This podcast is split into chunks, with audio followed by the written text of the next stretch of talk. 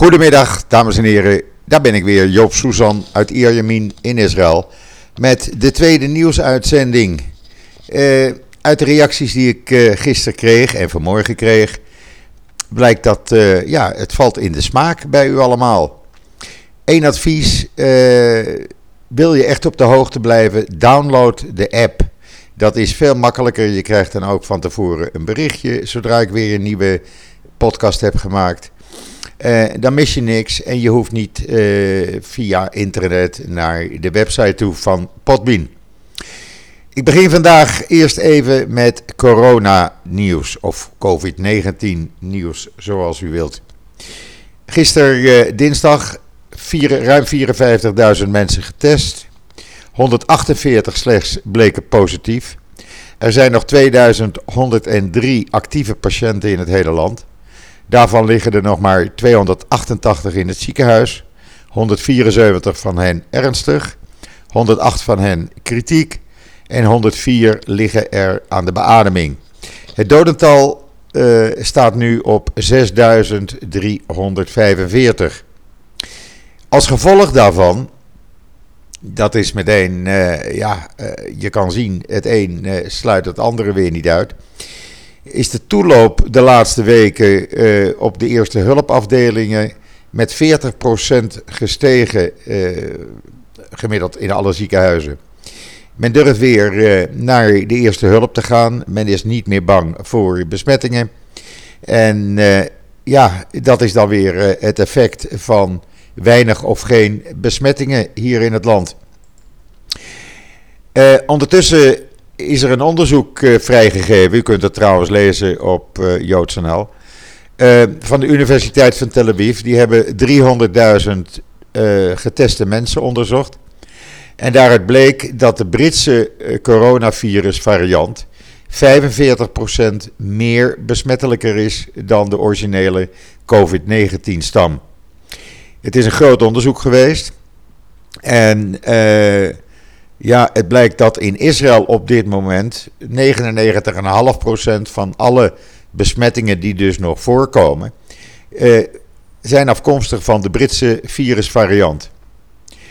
Uh, een heel interessant onderzoek, u kunt dat lezen dus op JoodsNL, maar uh, het betekent ook voor andere landen, je moet vaccineren, wil je uh, een beetje in ieder geval beschermd zijn tegen die Britse variant, want Pfizer vaccin uh, beschermt je daartegen. Ondertussen zijn er nog 800.000 mensen in Nederland die zeggen, of eh, in Israël, sorry, die zeggen: ik laat me niet vaccineren, ik begin daar niet aan. En het opvallende is dat de meeste van hen zijn jongere ultra-orthodoxe uh, inwoners van Israël. De ultra-orthodoxe gemeenschappen, de jongeren daarvan, die, ja, die laten zich niet vaccineren. Uh, het is een onderzoek geweest uh, bij de jongeren vanaf 16 jaar. En uh, ja, ze doen dat niet, dus daar blijft het altijd een gevaar. Ondertussen heeft het ministerie van Gezondheid voorgesteld om openluchtconcerten en voetbalwedstrijden. daar mogen binnenkort maximaal 50.000 mensen naartoe. Je moet wel een groen paspoort hebben, dus gevaccineerd zijn. Of kunnen aantonen dat je hersteld bent van het virus. Nou, dat kan je hier in Israël, want men krijgt daar een bewijs voor. En dan kan je gewoon weer ouderwets naar de sport of naar uh, optreden van artiesten. Ik hoop dat dat doorgaat, want ja, uh, voordat corona zijn intrede deed, was het in de zomer altijd in Israël een drukte van belang met allerlei internationale artiesten. Die kwamen optreden in de parken, bijvoorbeeld van Tel Aviv, Hayakom Park. En daar gingen 50 tot 100.000 mensen naartoe, picknickend en uh, gezellig met z'n allen bij elkaar. Hopelijk kan dat dus weer snel. Ondertussen heeft uh, het ministerie van Volksgezondheid in Israël ook bekendgemaakt dat ze af willen van de deal van miljoenen AstraZeneca-vaccins. We willen die niet meer, zegt het ministerie. We vinden het toch een te groot risico. We doen het wel met Pfizer en Moderna, dat gaat prima. Uh, AstraZeneca zegt: Ik denk er niet over om uh, die deal te cancelen. Uh, het alternatief zou zijn, en daar wordt nu over gesproken binnen de regering, om dan die miljoenen vaccins af te nemen en door te verkopen aan landen die vaccins tekort komen. Die kunnen dan in ieder geval de bevolking boven de 60 jaar gaan vaccineren. Uh, in Israël is gisteren uh, de Britse kabinetminister Gove geweest. Uh, die is hier twee dagen geweest. om afspraken te maken over een soort van ja, reiscorridor voor gevaccineerde mensen uit Israël en Engeland. Die dan ja, zeg maar niet getest hoeven te worden. Je hoeft niet allerlei uh, onmogelijke en, en, moeilijke zaken eerst te doen voordat je gaat vliegen. Ben je gevaccineerd? Heb je het bewijs? Dan kan je van Engeland naar Israël en van Israël naar Engeland. Uh, nou, hier in Israël zijn 536 miljoen mensen die gevaccineerd zijn. Op een paar duizend na zitten we op 5 miljoen mensen die twee keer gevaccineerd zijn. Uh, dus dat gaat erg goed. In Engeland gaat het ook goed, het vaccineren. Daar uh, hebben 33 miljoen uh, mensen een vaccin, eerste vaccinatie gehad. En ruim 10 miljoen mensen zijn al twee keer gevaccineerd in Engeland. Dus dat gaat hartstikke goed. Dan nog even politiek nieuws. Want dat gaat gewoon door hier. Het schijnt dat Netanyahu, ja, de geruchten worden steeds sterker dat hij zegt van nou oké, dan mag geen regering samenstellen. Maar weet je wat, ik wil aan de macht blijven. Dus ik ga uh, proberen uh, verkiezingen voor premier uit te schrijven. Ik ben zo populair, dat ga, ga ik winnen. Terwijl hij jaren geleden fel tegenstander was van dit soort verkiezingen en zich daar tegen uitsprak. om daar vast een beetje PR aan te doen, is gisteravond op televisie gekomen. Heeft weer gesproken over uh, het succes van de vaccinaties. En gezegd dat hij weer miljoenen uh, vaccins heeft aangekocht bij Pfizer. Uh, daaroverheen kwam vanmorgen de coronavirus daar. En die zegt, meneer Netanyahu, sorry.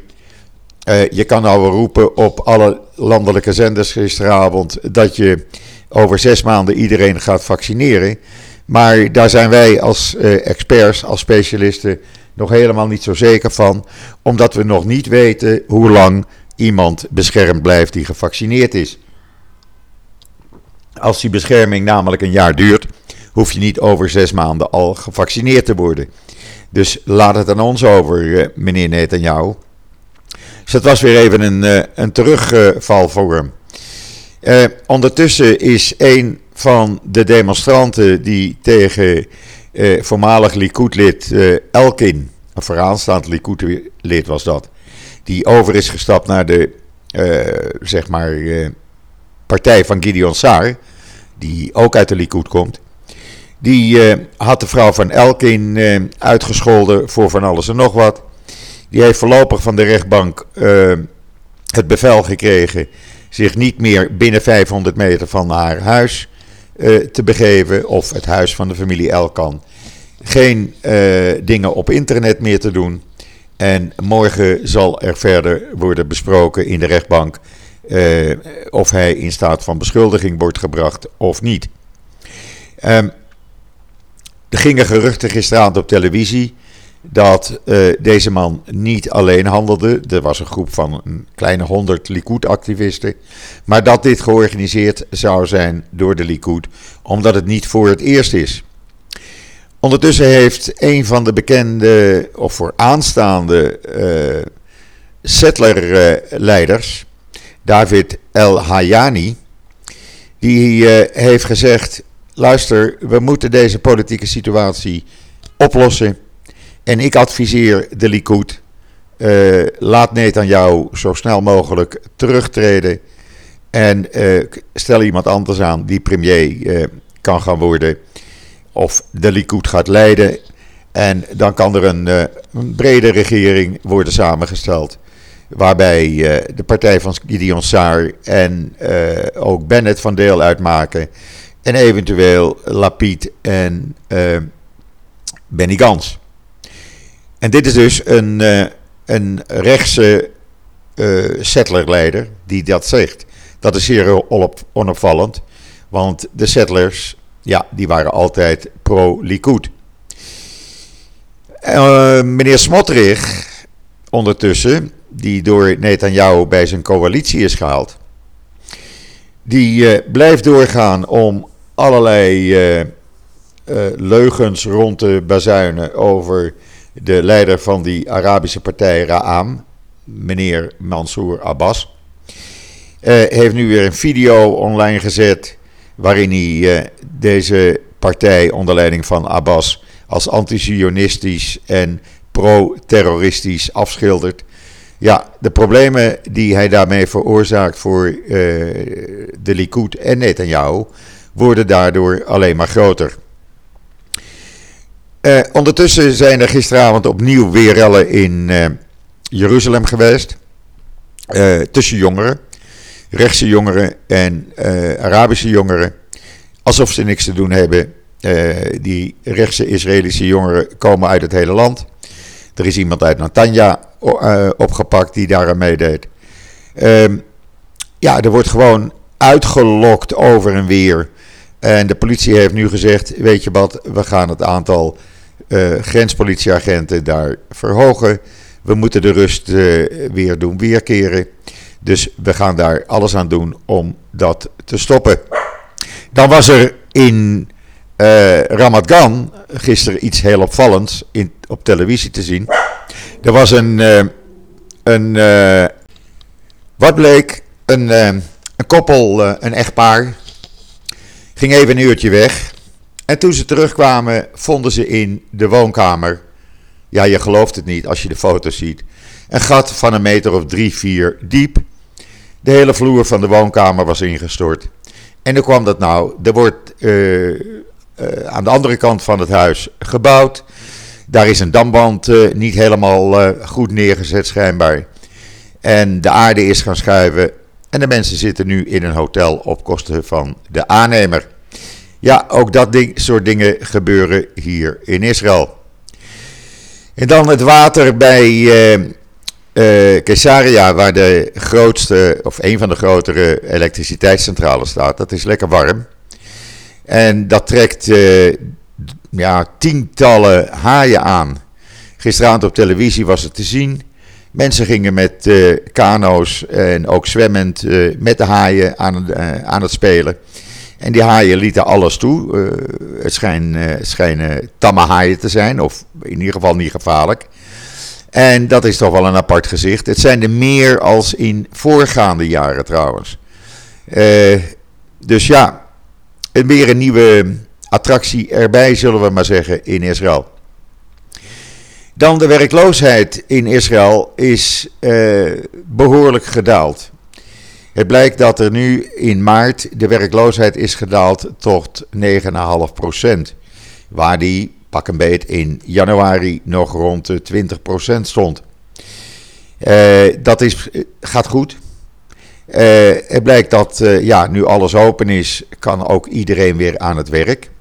En het plan is dat zodra de werkloosheid onder de 7,5% komt, en dat zal waarschijnlijk deze maand al zijn, of de volgende maand, dan zullen de speciale werkloosheidsuitkeringen voor werklozen als gevolg van de corona worden stopgezet. Dus dat is goed nieuws. Er is werk. Iedereen die wil werken kan aan het werk. En dan uh, heeft de Israëlische National Cyber Directoraat is met een voorstel gekomen wat binnenkort uh, van kracht gaat worden.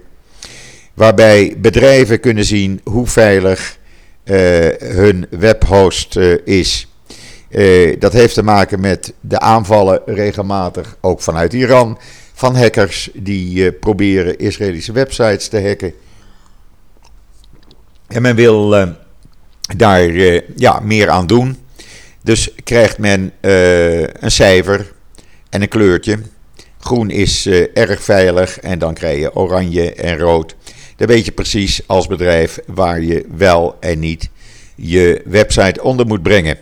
Dat is heel goed nieuws. En omdat het goed nieuws is, besluiten wij ook hiermee deze tweede nieuwsuitzending.